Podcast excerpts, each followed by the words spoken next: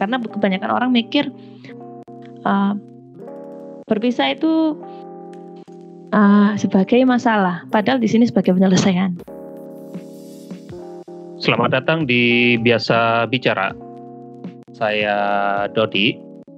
Kali ini saya kedatangan salah satu teman saya juga nih. Oke, okay, thank you Dodi. So, perkenalkan nama saya Emma Karisa Jana Dewi Prayogo. Panggilannya Emma saja dan saya bekerja sebagai guru. Oke. Kali ini kita bawa topik yang mungkin ya mungkin nggak semua orang merasakan gitu ya Em ya, tapi uh, kejadian ini atau fenomena ini itu terjadi di sekitar kita nggak?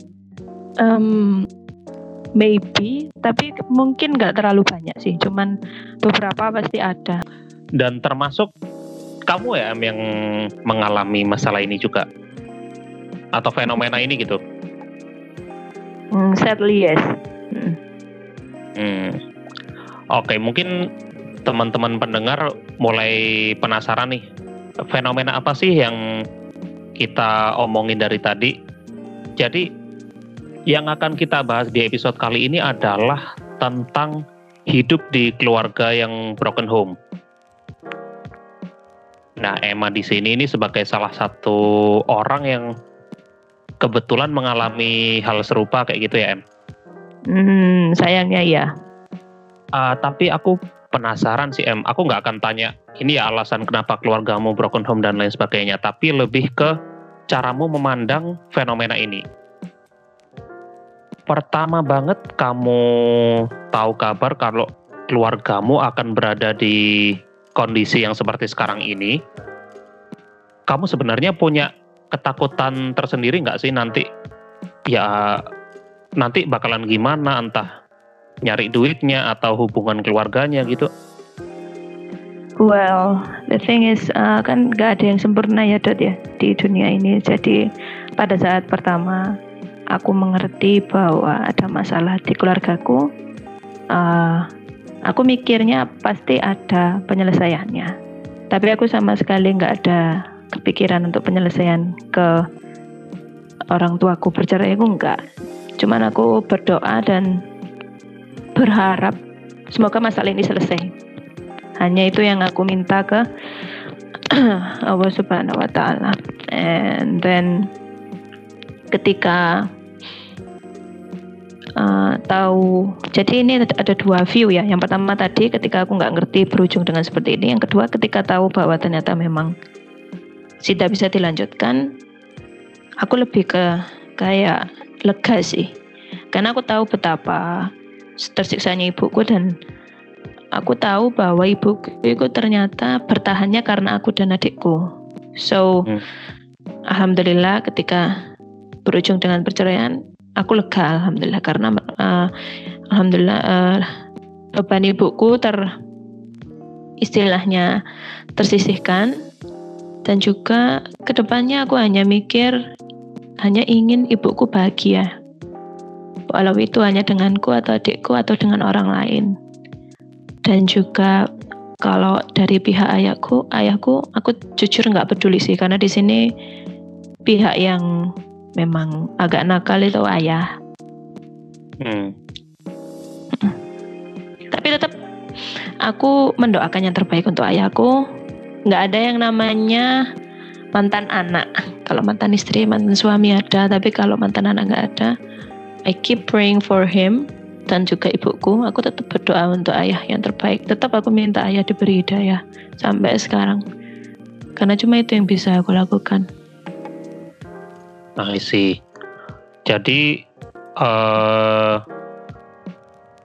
ketimbang rasa takut dan hal-hal negatif lainnya yang kamu pikirkan kamu itu justru lebih merasa lega gitu ya. Karena menurutmu pihak orang tuamu salah satu orang tuamu yang menderita itu untuk ke depannya akan hilang penderitanya. Maksud uh, bukan hilang sepenuhnya tapi setidaknya sebagian gitu ya Mm-mm. karena jujur aku takut dan ngerasa nggak nyaman itu waktu tetap satu keluarga jadi kerasa ketidaknyamanan, insecurity.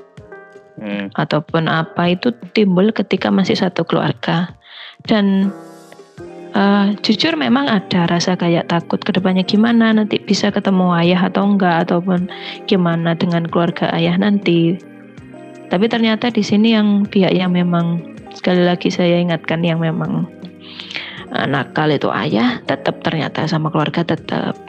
Cuman yang lebih tak takutkan hmm. literally itu ketika aku menikah nanti aku takut ya belum menarik jangan sampai seperti ini lagi. Jadi lebih ke uh, ke krisis kepercayaan diri gitu. Aku takut kalau nemu kayak orang kayak ayah gitu. Itu yang tak takutkan sampai sekarang. Yang lain nggak ada oh berarti uh, ya mungkin walaupun tidak ada sama sekali tapi rasa takut itu bukan lebih ke bagaimana masa depan keluargamu yang sekarang ini tapi lebih ke masa depanmu nanti ketika sudah berkeluarga gitu. Uh, efeknya lebih ke diriku sendiri. Karena ya mungkin karena masalahnya ini ya dot. Jadi kayak pasti kayak si pendengar di sini pasti mikirnya kok sampai kayak gitu ya? Aku nggak mikir keluarganya gimana. Because the problem is masalahnya yaitu masalahnya ya sebelum berpisah bukan waktu berpisah karena kebanyakan orang mikir uh, berpisah itu uh, sebagai masalah, padahal di sini sebagai penyelesaian. In my case. Uh, ini menarik sih M. Uh, terlebih ngomongin masalah uh, berpisah itu adalah sebuah penyelesaian gitu ya. Kalau misalnya aku boleh sharing sedikit gini, kebetulan sekarang banget nih, aku lagi ada temen yang dia juga terancam hal yang sama gitu. Kedua orang tuanya bertengkar, uh, dan aku aku jujur aku kurang tahu terkait penyebab pertengkarannya itu apa, tapi ada tendensi untuk menuju ke perceraian itu tadi. Dan dia hmm. takut kalau perceraian ini nanti atau perpisahan ini justru akan menambah masalah yang sudah ada. Tapi kenapa kok kamu justru lebih merasa atau memandang perpisahan ini sebagai sebuah penyelesaian ketimbang permasalahan baru? Hmm, yang pertama kan dilihat dari masalahnya ya, Dot. Masalahnya itu apa? Uh, kalau memang masalah dari kedua belah pihak, ya mungkin kalau aku boleh saran sih kayak biasanya anak pacaran ataupun ketika ada masalah di suatu pertemanan kan diomongin enaknya gimana, dicari solusinya atau dan itu basic resolution maksudnya itu penyelesaian yang paling basic dasar banget Nah, hmm. yang kedua, ketika kalau misalnya salah satu pihak yang salah, yang satu kan harusnya memaafkan dan yang satunya harusnya memperbaiki. Um, kalau di kasusku, yang satunya nggak memperbaiki sama sekali. So, tetap diulangi terus terus dan terus dan di satu pihak ya ibu ibuku itu terus bertahannya karena aku dan adikku dan dia juga berpegang teguh bahwa Uh, kalau memang bukan ayah yang mencerai, beliau tidak mau. Dan itu memang menurut syariat Islam benar seperti itu. Dan mungkin uh, untuk uh, untuk saran untuk temannya Dodi, kalau memang orang tua tidak bisa uh, menyelesaikan masalah mereka sendiri, mungkin bisa membantu, tapi jangan sampai melampaui batas. Ingat juga bahwa kita di sini sebagai anak dan mereka sebagai orang tua yang harusnya lebih bisa menghandle masalah mereka, tapi mereka juga manusia. Mungkin bisa memberi masukan lewat ngobrol sama ayah sendiri ataupun ngobrol sama ibu sendiri.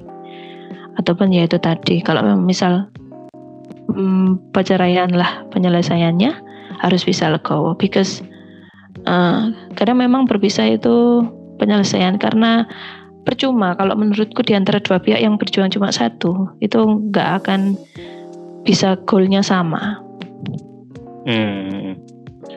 Oh tapi ini M, eh sebentar sebelum aku move ke pertanyaan selanjutnya mungkin aku harus uh, mempertegas lagi poinmu tadi ya kalau misalnya temanku nih yang emang lagi ada permasalahan atau pendengar lainnya yang memang sedang mengalami problematika serupa mungkin bisa ngikutin sarannya Emma tadi seperti iya komunikasikan dulu kayak gimana kasih uh, sudut pandangmu dan kasih sedikit masukan gitu karena sekali lagi walaupun seharusnya orang tua yang menyelesaikan permasalahan mereka sendiri, tapi mereka juga manusia yang nggak sempurna-sempurna banget gitu.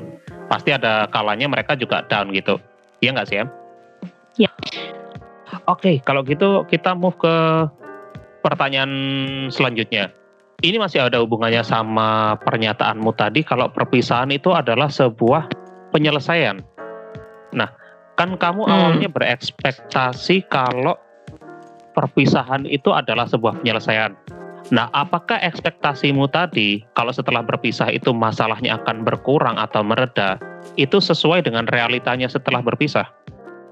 Um, memang iya sesuai dengan realita. Tapi ya pasti ada bad effects-nya. Di sisi lain kita juga harus mikir ternyata ada efek-efeknya. Karena uh, yang pertama mungkin dari ibu, ibu krisis kepercayaan uh, kurang kepercayaan diri terus mm -hmm. ibu juga uh, stres dan itu pun alhamdulillah larinya tidak ke yang aneh-aneh aku sama adikku juga nggak seperti itu. Kita bertiga saling menguatkan satu sama lain. Dan yang paling parah menurutku efeknya ayahku ini dicap jelek. Dan everyone knows semua orang tahu bahwa yang bermasalah ini ayahku. Jadi ayahku ini diolok-olok di mana-mana. And it's not good for me. Nah jadi kadang orang ngomong ke aku wah ayahmu ngecek-ngecek something like that. Uh, um, aku mikirnya ayah deserves. Tapi kayak gimana gitu. Mungkin itu yang nggak sesuai realitaku sih. Karena ketika ayah sama ibu kan masih ketutup dengan adanya ibu. Tapi ketika nggak sama ibu kan kebuka semua aibnya ayah. Hmm, berarti memang masalahnya mungkin masalah yang sebelum berpisah itu selesai ya. Tapi semacam timbul masalah baru gitu nggak sih, Em? Iya, jadi uh, how do I describe it? Ayah itu mencerai ibuku, terus langsung nikah lagi gitu loh. Atau bahkan udah nikah terus langsung mencerai ibu. Jadi cerainya itu nggak baik-baik, nggak yang kayak Oke, kita udahan, kita cerai sini sudah selang berapa bulan nikah lagi berapa tahun enggak. Jadi orang-orang langsung mengecap jelek karena itu gitu loh. Dan itu yang berefek besar karena ketika cerai cerai ya ya udah kan. Tapi kan hmm. ada itu tadi loh, jadinya seperti itu. Berarti bisa dibilang kalau masalah yang ada pada waktu itu, maksudnya setelah penyelesaian itu, bukan masalah yang bersisa atau tersisa sebelum perceraian itu, tapi benar-benar masalah itu baru gitu. Hmm, jadi di sini tuh kesalahan ayahku itu pada waktu pernikahan masih dengan ibuku itu uh, tidak terlalu kelihatan. Jadi hanya keluarga intern atau beberapa orang saja yang tahu. Tapi ketika sudah cerai dan langsung ayah bersikap seperti itu, pasti kan orang-orang langsung menghujat karena tidak ada jeda dan juga orang-orang jadi tahu bahwa oh ternyata ayahnya Emma itu seperti ini. So that's why. Kenapa orang orang menghujat itu karena itu adalah masalah baru yang uh, orang-orang tahu, bukan masalah literally baru bukan. Tapi masalah yang orang-orang baru tahu. Hmm. gitu. Oke berarti baru terbuka gitu ya? Yes. Hmm.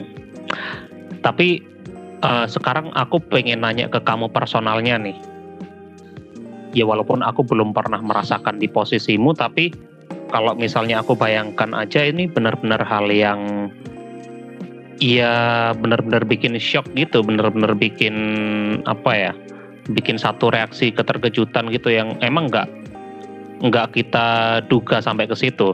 Nah, kamu sendiri sebagai orang yang benar-benar ngalamin itu, kamu menyikapi keadaanmu gimana? Terus kamu menyikapi uh, ayahmu sendiri yang bertindak seperti itu bagaimana?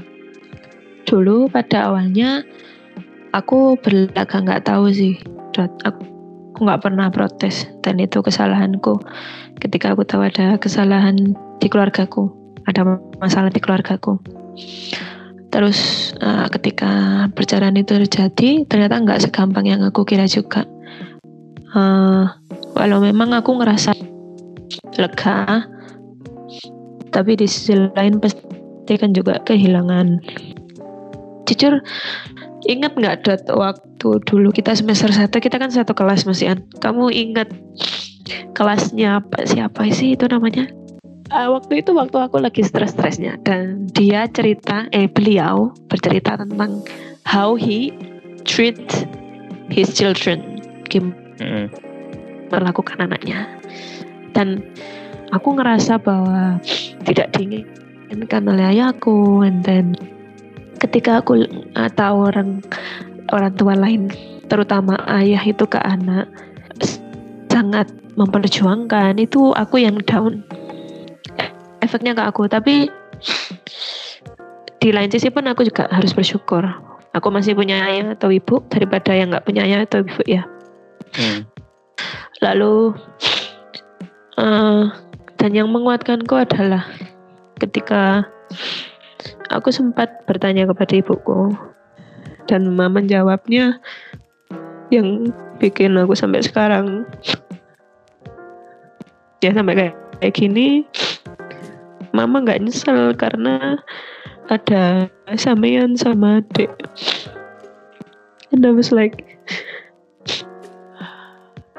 mulai saat itu pun aku harus berjuang harus bertahan dengan keadaan seperti ini saling menguatkan dengan ibu dan juga adik. I know. Nggak segampang yang aku omongin sekarang karena terbukti. But hard doesn't mean it's impossible to do. Aku cuma ingin mengingatkan dan juga biar para pendengar harus bersyukur apa pun keadaan keluarga mereka di rumah, bagaimanapun keadaan ayah dan ibu mereka, seenggaknya masih tetap bersatu dan tetaplah berdoa agar tetap seperti itu terus. Itu aja yang aku pengen biar para pendengar tahu bahwa nggak semua orang seberuntung kalian. Hmm, Oke. Okay. Uh, eh, tapi dengan segala kesulitan itu ya dan semua keadaan yang memang benar-benar berat untuk dilalui, apakah kamu sudah bisa berdamai dengan semua itu? It it takes time, butuh waktu pasti um, contohnya waktu ketika semester 2 tadi atau enggak semester 1 aku lagi ya um, stres-stresnya akhirnya se se seiring dengan berjalannya waktu time will heal waktu akan menyembuhkan. Dan juga alhamdulillah sekarang pun hubunganku dengan ayah sudah baik. Karena dulu ketika awal-awal dengan istrinya yang baru aku tidak diperbolehkan bertemu dengan ayahku. Tapi sekarang alhamdulillah bisa ketemu mungkin seminggu sekali atau sebulan sekali. Terus ngobrol uh, tapi atas semua hal yang sudah beliau lakukan mungkin sadar tidak sadar ya atau sengaja tidak sengaja ke keluargamu ke ibumu terutama dan ke kamu sendiri dan ke adikmu apakah kamu bisa memaafkan ayahmu?